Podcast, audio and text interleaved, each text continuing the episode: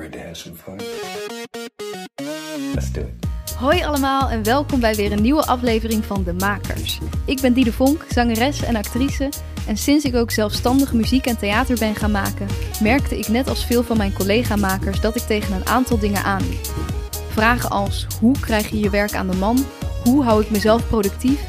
En wat doe ik als ik even geen inspiratie heb? Daarom ben ik deze podcast begonnen, waarin ik elke week een inspirerende maker interview en vraag om tips. Vandaag is dat componist en contrabassist Camille Jansen. Hij is componist en oprichter van de succesvolle band Ikarai, waarmee hij door heel Nederland toert met de voorstelling Mohammed. Een muzikale bewerking van een van de bekendste gevechten van Muhammad Ali. Verder heeft hij een eigen bedrijf in sounddesign en geeft hij lessen in ondernemen op het conservatorium in Groningen. We hebben het over waarom je als student misschien denkt dat alleen gefaalde muzikanten ondernemen. En hij vertelt hoe hij heeft gezorgd dat hij met Mohammed in elke krant en televisieprogramma kwam. Veel luisterplezier. Wie ben jij en wat maak jij? Oké, ik ben Camille Jansen en ik ben een, een bassist en een componist. Uh, ik maak jazzmuziek en ik ben artistiek leider van een ensemble. Um, ik ben dus daarnaast ook componist, dus ik maak ook muziek voor dat ensemble. Mm -hmm. En uh, daarnaast ben ik ook gewoon actief als bassist, sideman. En uh, heb ik een bedrijfje waarmee we audio maken voor onder reclames. Dus ik doe echt van alles wat met muziek te maken heeft, zolang het maar met muziek te maken heeft. Kijk, top. Ja. super ondernemend is ook. Dus daarom heb ik jou ook een beetje gevraagd. Want ik heb het idee dat je altijd zo honderd projecten tegelijk aan het doen bent. Uh, wat heeft nu je main focus? Op dit moment zijn we volop aan het spelen met het concertpostseizoen van mijn ensemble Ikarai. Dat is het ensemble. Mm -hmm. En wij hebben nu een concertprogramma waarbij wij het podium ombouwen tot een boxring. Ja. En de meest legendarische wedstrijd van Muhammad Ali uh, helemaal op muziek hebben gezet. Een beetje een soort, uh, ja, het, die muziek zelf is een combinatie tussen klassiek en jazz en filmmuziek. Maar het verhaal is eigenlijk, je gaat eigenlijk naar het concert om een bokswedstrijd te kijken. Dus dat is heel dubbel. Daar zijn we nu mee aan het spelen. En daar ben ik nu veel mee bezig. En dan daarnaast uh, ja, uh, ja, ga, ben ik dat bedrijf aan het runnen waar, waar ik het net over had. En, mm -hmm. uh, en er zit natuurlijk nog een aantal andere bands. Ja, dat bedrijf dat is dus muziek voor reclames. ja, ja. ja. ja content. Ja, dus van alles, van alles wat, waar eigenlijk muziek voor geproduceerd moet worden. Ah, ja. En dat heeft echt een hele commerciële inslag. En Ikarai is natuurlijk is hoog artistiek, om het maar even heel uh, uh, elitair te noemen. ja. Nou, dus dat is een beetje een rare tweescheiding. Maar ja. ja, maar misschien ook wel uh, lekker. Dat je niet altijd met die hoge, hogere jazz bezig bent. Precies, ja, dat is ook al, ja, niet alles een rare maat wordt. En zo. Nee, precies. Ja. Nee, maar leuk. Um, ik uh, ken je natuurlijk van uh, Codarts Conservatorium. True. Een tijdje geleden. Um, was je toen ook al zo uh, ondernemend of bezig met je eigen projecten? Hoe was dat toen? Goeie vraag. Ik uh, weet eigenlijk niet zo goed. Uh, ik, ik, denk dat ik tijdens mijn studententijd wel altijd al heel erg die jeuk had om te gaan ondernemen. En mm -hmm. dat het er altijd heel erg in me heeft gezeten om mijn schouders onder te duwen en mijn, mijn eigen project op te gaan zetten. Maar ik was op dat moment ook echt actief als sideman en ook gewoon een matig contrabasstudent. Dus ja, daar, daar, ging ook een hoop tijd in, zeg maar. Dus dat was... ja, Hoezo matig? nee, het, ik bedoel gewoon de eerste drie jaar van mijn consortium flink zitten aankloten. Maar niet, ik, ik had wel, ik had wel bands en ik was wel veel bezig, herinner ik me, met het regelen van optredens. En het, het, maar nog niet echt op het level waar ik nu op zit. Mm -hmm. Dus dat was meer uh, ja, snabbels regelen, commerciële dingetjes en zo. En ik had wel allemaal wilde dromen, maar ik wist nog niet helemaal hoe ik dat moest gaan realiseren. Ja. En werd dat ook een beetje gestimuleerd op jouw opleiding of totaal niet? Totaal niet. nee, dat is echt een grote makker van kunstvakopleidingen, en Coda specifiek ook, dat er aan ondernemerschap uh, gewoon, er wordt, je, je krijgt niks mee, terwijl het een mm -hmm. opleiding is tot freelancer. Ja. In een cultureel werkveld, wat super subsidieafhankelijk is, mm -hmm. meestal. Ja. En dan word je uh, in iets hoog specialistisch, in een niche word je opgeleid, namelijk jazz contrabassist. Nou, daar zijn er misschien 30 van nodig in Nederland. Mm -hmm. En daar zijn er misschien wel 200 van. Dus ja, uh, hoe deel je met die concurrentie na je studie? Daar ben je niet op voorbereid. Dus dat was voor mij wel een best wel een schok. Ja. ja, want ik uh, kwam van school af en ik wist niet hoe ik iets moest gaan opzetten. Ik wist niet hoe ik een ensemble kon verkopen, uh, concerten kon gaan maken, hoe ik me kon onderscheiden.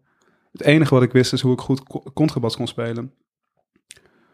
Um, en, ik, en, en ik had dan een minor compositie gedaan en dat heeft me wel heel erg geholpen. Uh, maar ik, ja, het zat allemaal zo erg op de inhoud. Mhm. Ja. ja, ik vind dat lastig, want misschien is dat ook wel... Ja, daar is een conservatorium ook voor, om mensen gewoon heel erg goed te leren spelen, zeg maar. En je wil ook al die technieken goed kunnen en... eh, dus ja, of daar dan die ruimte... Ah, Denk je wel dat het goed is als daar meer ruimte voor gemaakt wordt? Ja, dat is wel een goede vraag eigenlijk. Dat weet ik eigenlijk niet zo goed. Want eh, ik, ik denk het wel. Ja, ik ook hoor. Het, maar... het, het, het- het soort van, het is heel fijn als iedereen een bepaald, eh, be- bepaalde bagage met zich mee kan krijgen na het afstuderen. Mhm. Maar je, je wil natuurlijk ook weer niet dat het ten koste gaat van, weet je wel, hoe goed die specialisten zijn. eh, Hoe, Ja. goed, die, hoe goed die muzikanten zijn en wat ze doen. Eh, maar er wordt ook echt onder de studenten trouwens ook echt super erg op neergekeken hoor. Want ik bedoel, het was bij ons, we hadden ja, op, neergekeken? op ondernemerschap Oh, ja, en, ja, en al ja. die. Ik weet het nog wel, het voelde altijd als zo'n verplicht nummertje. Want er was Ja. dus wel op een gegeven moment geloof ik een clinic of een soort minor ondernemerschap die dan niemand koos. Ja. Weet je wel. Ja. Ja, wij hadden ook volgens mij een paar keer het cultureel ondernemen of zo. Maar daar leerde je dan hoe je je moest inschrijven bij de KVK. precies. En als student ben je daar dan toch nog niet echt zo mee bezig of nee, zo. helemaal niet. En dan, ja inderdaad, dan leer je hoe je een website moet bouwen. Nou, Ja. op die do, weet je wel. Ja. ja. Nou ja, ook handig. Ja, het is zeker handig, maar het is echt wat je daarmee doet. Ja. Want, ja. En je zei ook al, ik was toen wel al een beetje bezig met regelen. Denk je dat je daar ook wel een, een, een talent hebt liggen? ja, dat denk ik eigenlijk wel. Ja. Ik, ik heb eigenlijk wel het vermoeden dat ik goed ben in dingen presenteren. En dat ik me ook wel weet hoe ik iets eh, ja, aan de man kan brengen of zo. Ja, verkopen. Verkopen klinkt zo Hm. alsof ik een tweedehands autoverkoper ben. Ben ik natuurlijk ook wel een beetje. Maar het, is, het is een beetje van... Het is wel echt iets wat je een beetje... Waar je een beetje feeling van moet hebben. Ja. Zo van, wat benadruk je in hoe je jezelf presenteert? En wat benadruk je in je concertprogramma, theatervoorstelling? Welke, welke aspecten eh, zijn relevant voor de mensen die je benadert? Ja. En, eh, en eh, daar heb ik toevallig wel wat feeling voor. Ja.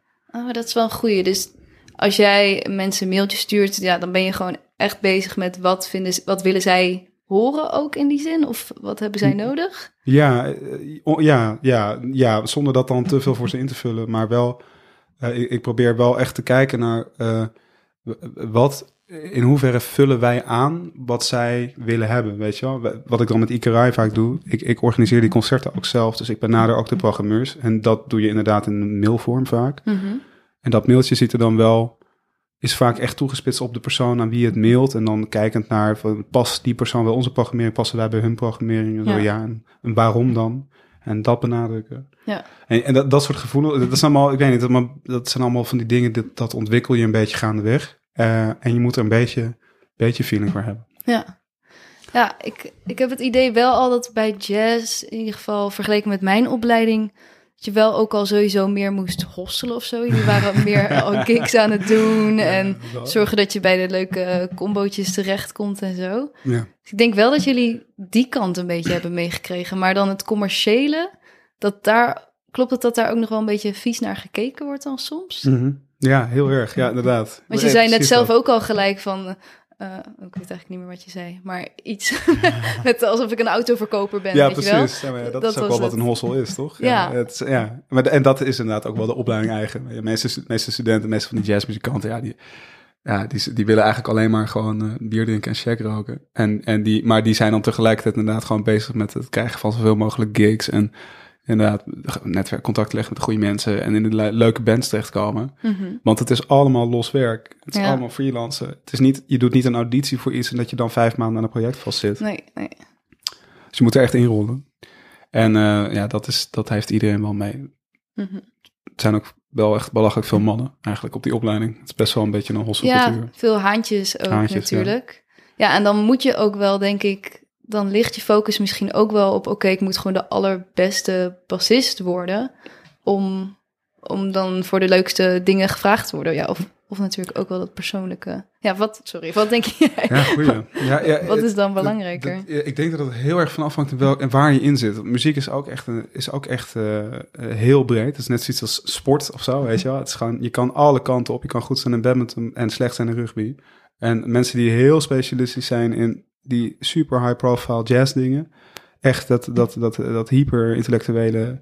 Ja, daar moet je gewoon echt verschrikkelijk goed voor zijn. En dan moet je echt eh, hebben zitten beuken tijdens je studie. En Ja. er heel veel uren in hebben zitten. Maar je kan ook eh, bijvoorbeeld, eh, weet ik veel, een hele goede blazer zijn in een ritmesectie en met, met de aller, allervetste stomende Braziliaanse bands meespelen. En dan speel je misschien een veel grotere zaden en Ja. daar krijg je veel meer betaald. Is eigenlijk misschien ook wel veel leuker. Ja.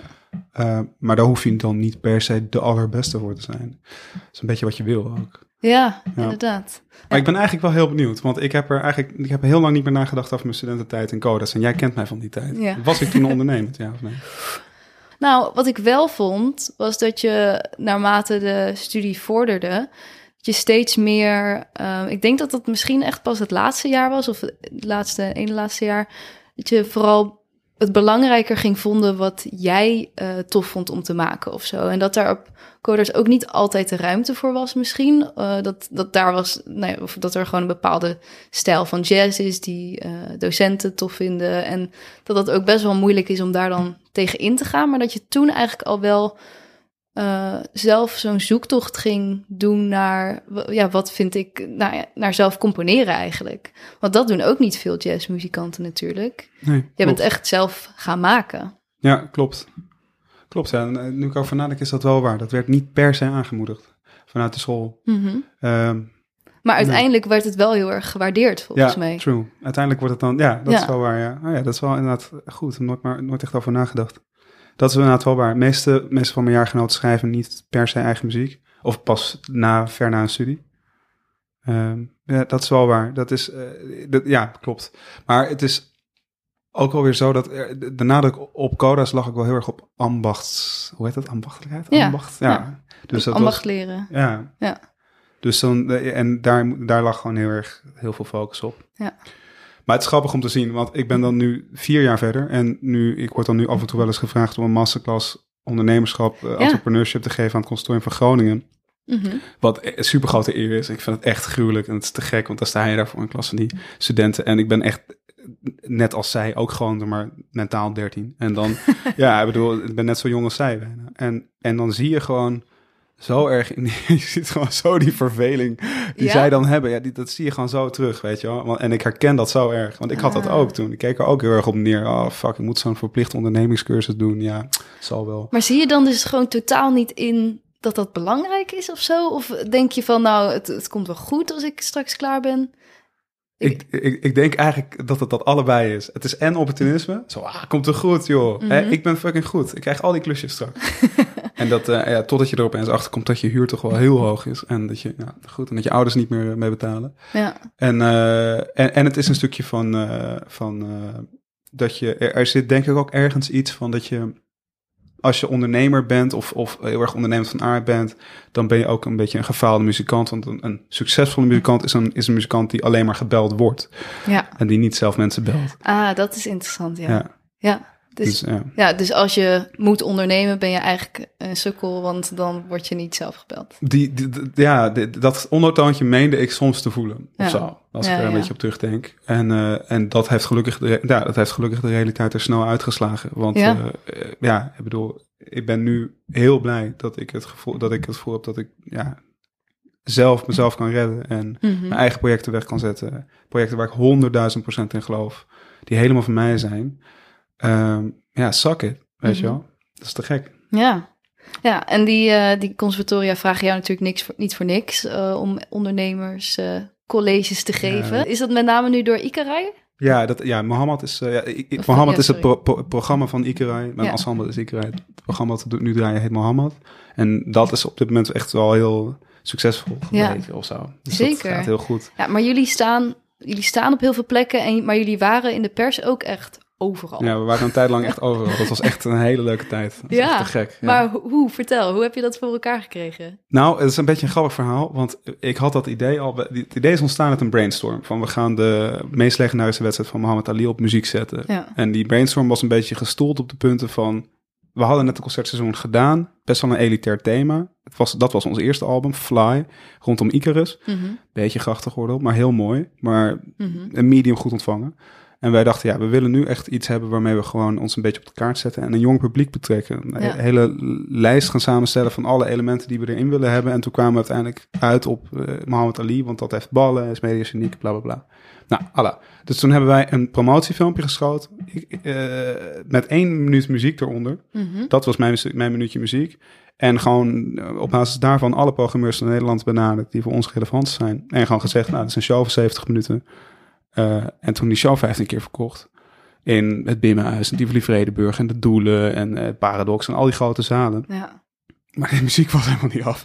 Want er, was, er stond helemaal niks op papier. Jullie hadden nog niks, Ik had maar- helemaal niks. Nee, dat was e- echt gewoon, ik had jack shit. En dat, toen, dat, was, eh, dat was november 2017. Mhm. En zo rond januari werd duidelijk van... ja, jongens, jullie gaan echt een heel, heel groot seizoen draaien. 15 concerten is best wel veel voor een jazzband. Ja. En de eerste is er op, op 6 juni. En het is nu begin februari. Dus je hebt zeg maar 4,5 maand. ja. En eh, dat, dat was... dat doe ik echt nooit meer. Maar dat, dat was heel heftig. Dat was stress. Ja, dat was heel veel stress. Maar toen, en toen hebben we dat gedaan. En, eh, en in de tussentijd eh, heb ik dat gedaan. Is allemaal mijn muziek. In de tussentijd heb ik gewoon eh, geprobeerd van... oké, we hebben een release staan, of een première staan. Dat is dan de officiële in september in het Bimhuis. Hoe ga ik daar nou heel veel eh, media momentum mee krijgen? En toen heb ik al die redacties benaderd van al die tv-programma's... die voor ons relevant zijn. Alle radioprogramma's die voor ons relevant zijn. Alle grote kranten benaderd. En... ehm, Al voor die eerste Ja, 6 juni, zeg dit, maar. dit was allemaal zeg maar. Ik begon vanaf zeg maar maart, april met iedereen daarmee lastig te vallen. Ja? Eh, en ben dan ook dan wel vrij bijterig in. Dus dan mail ik ook wel echt zo gerust 20 keer in een periode van 30 weken of zo. Ik mail dan wel gewoon echt iedere week. Ja, ik, ik, ja, ik, wil Gewoon ook nog wel. een keer van, hey, eh, Heb je er al naar kunnen kijken? Ja. En dan bel je een paar keer en zo. En op een gegeven moment, ja, dan gaan er dingetjes gebeuren. En we begonnen geloof ik begin juni met een Radio 4 optreden. Nou, daar waren we al eerder geweest, dus dat ging vrij makkelijk. En dan, eh, en dan eh, op basis daarvan hadden we dus opnames. Nou, dan kon je, kan je weer een hele nieuwe verkoopronde Ah. doen, want je hebt opnames. Ja. Hadden we ook nog niet. En zo bouwt het een beetje stapsgewijs op. Tot dan op een gegeven moment, 14 september was Bimhuis. En toen de week daarvoor kreeg ik opeens een, eh, een voicemail notabene van een Volkskrant-journalist. En eh mochten in de Volkskrant komen. Toen mochten we bij Bodem Witteman langskomen. En toen schreef het NRC over ons en de Volkskrant nog een keer. En toen belde het Voorlinde Museum in Wassenaar... of we niet een speciale editie konden doen voor Oh ja. prinses Beatrix en zo. Ja, echt heel lijp. Heel vet. Ja, echt, dat je echt dacht van, what the fuck. En toen begon het echt een eigen leven te leiden. Ja.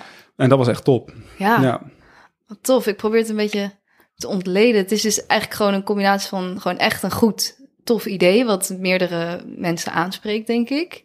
En dan dus eigenlijk gewoon gaan mailen... zonder dat je al iets hoeft te hebben. ja dat laatste is niet per se een aanrader. het scheelt alleen wel een hoop in je ontwikkeling. Want je, ja, je moet ook. want je, je- ten eerste moet je, want je stelt jezelf een deadline op. En ten tweede is het eh, meteen een hele goede graadmeter om te zien of je idee werkt of niet. Ja. En zo werkt het eigenlijk in theater ook. Mhm. Want, eh, Ik heb het trucje afgekeken van theater. Theatervoorstellingen die maken meestal een eh, treatment. Die schrijven gewoon meestal op papier op Ja. wat ze hebben, wie de cast is en wie de regie doet. Mhm. En dan gaat een theaterbureau daarmee de Ja. voorstelling verkopen. Maar het theater zelf, die de voorstelling inkoopt, die heeft die voorstelling nog nooit Nee. gezien. Nee, en vaak schrijf je dan een stukje van een voorstelling die nog helemaal niet bestaat. En dat verandert ook helemaal Ja. dan vaak weer, weet je Ja. wel?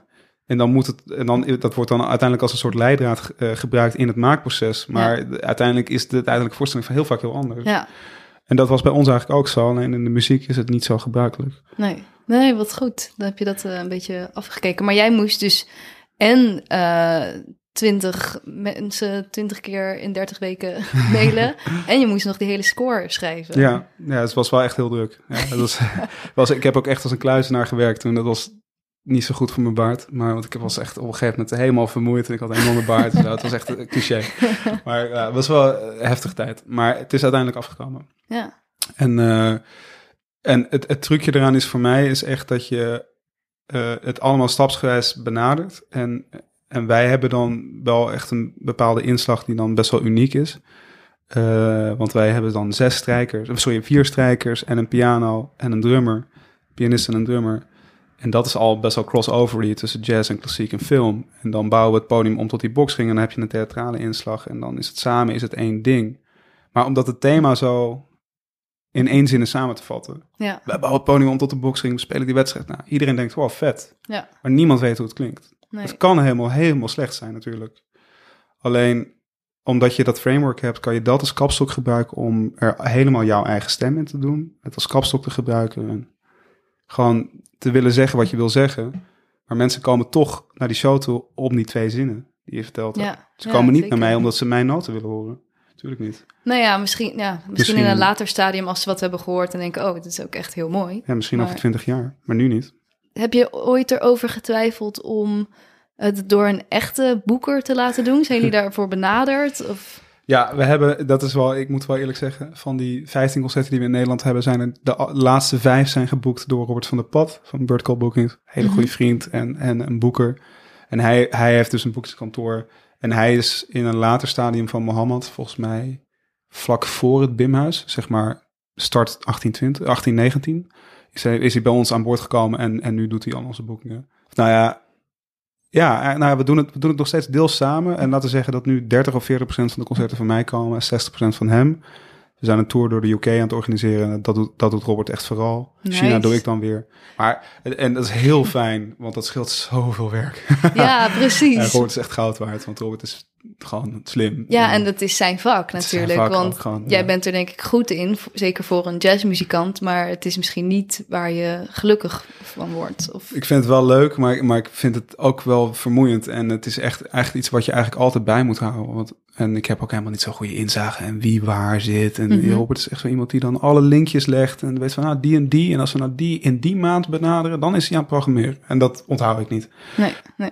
Denk je dat, ehm, dat je nu, als je als jazzmuzikant niet die ondernemende geest hebt, kom je er dan ook niet? Of moet, het dan, moet je dan echt veel geluk hebben? Ah ja, dat, is een- dat is wel echt een hele moeilijke vraag. Ja, het is misschien te blunt om te zeggen, je komt er niet. Maar Nou ja, ik bedoel, Het, het hangt, dat, dat heeft dan heel erg te maken met, met hoe goed je bent. Als jij, als jij iets geweldigs kan, of jij kan in een heel specifiek ding ontzettend goed, eh, of jij staat bekend als de man die juist oh, in iedere setting gewoon altijd goed klinkt of zo, ja, dan heb je in principe gewoon werk. mhm, Eh, als dat het type werk is wat je wil hebben. Die werkt dan in principe altijd voor anderen. Maar het blijft altijd freelancen, blijft altijd sappelen. Je zal nooit rijk worden, niet dat dat belangrijk is. Maar, en, eh, en dat vergt, dat je, je moet je vak constant onderhouden. En er komen altijd nieuwe gasten bij die misschien Mhm. soms beter zijn dan jij. En als je dat allemaal niet hebt, dan haal je het niet, denk ik. Dat denk ik wel. als je Dus wat allemaal niet als je, hebt? als je niet, zeg maar, fucking goed bent op je instrument Ja, ja, of hyperspecialistisch of eh, ja, nou ja, eigenlijk die twee dingen. Ja. Eh, dan, eh, ja, dan kan je het je permitteren om niet zo ondernemend te zijn en wachten Mhm. tot je gebeld wordt. Maar dat zijn er echt maar een handjevol. Ja. Eh, ik denk qua contrabassisten zijn dat er misschien acht, zeven, zes in Nederland die Mhm. zich dat kunnen permitteren.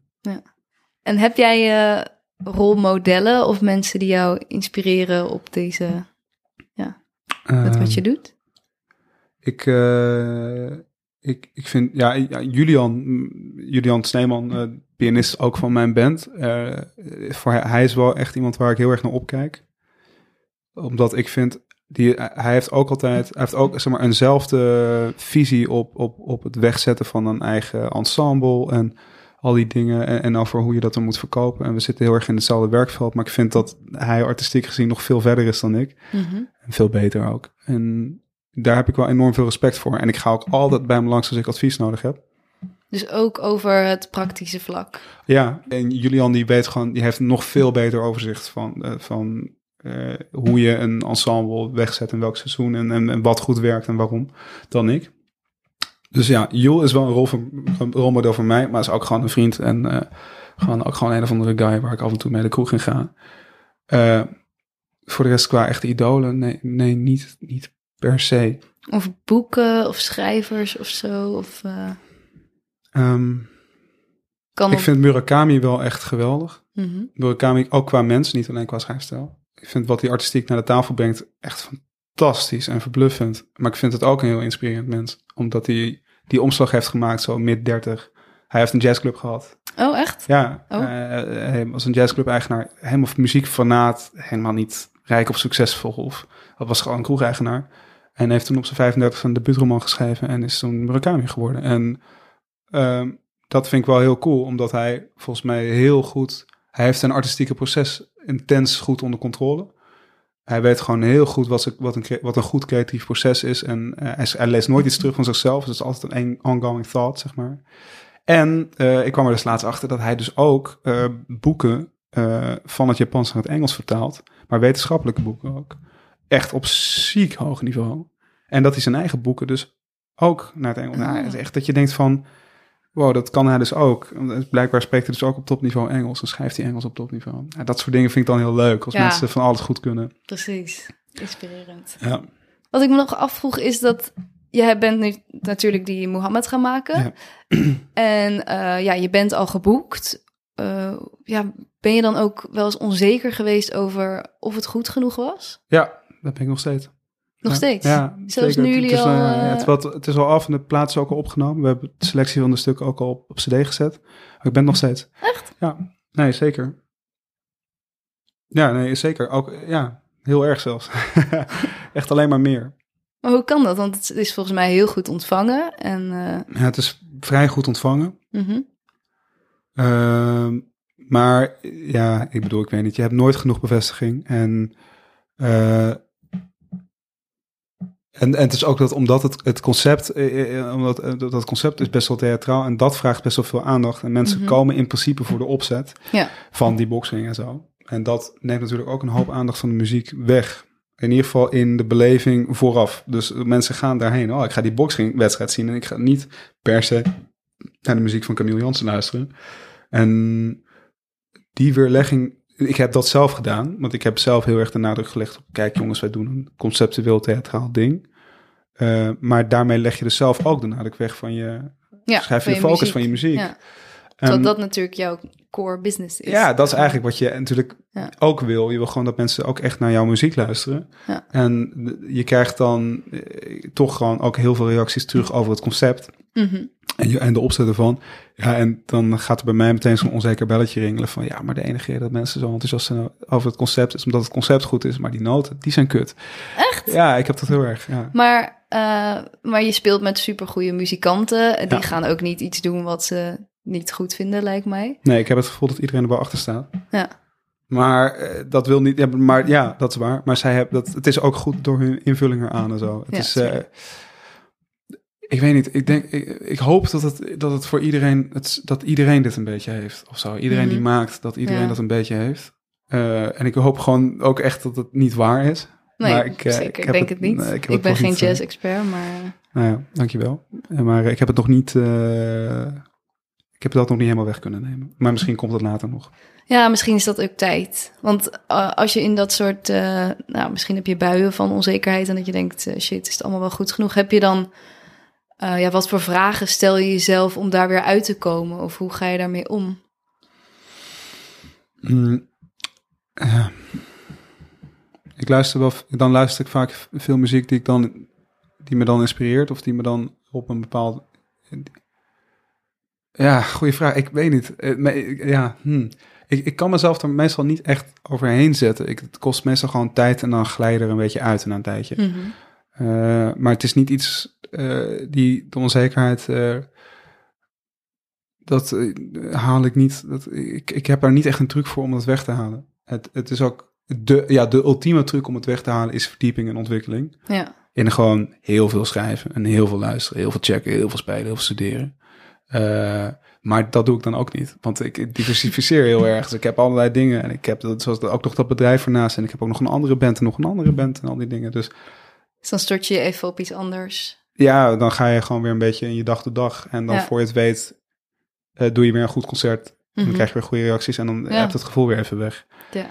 Dus, maar om het echt structureel te killen, moet je Mhm. denk ik gewoon he- heel veel tijd in jezelf stoppen. Ja.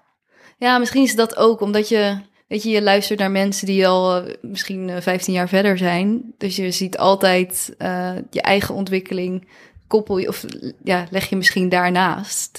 Eh, waardoor het dus, het is nog niet op dat niveau misschien, maar dat is logisch, want je bent nog niet zo lang bezig als die ander. Ja, nee, zeker. Ja, nee, dat is inderdaad ook, dat is ook wel echt waar. Ja.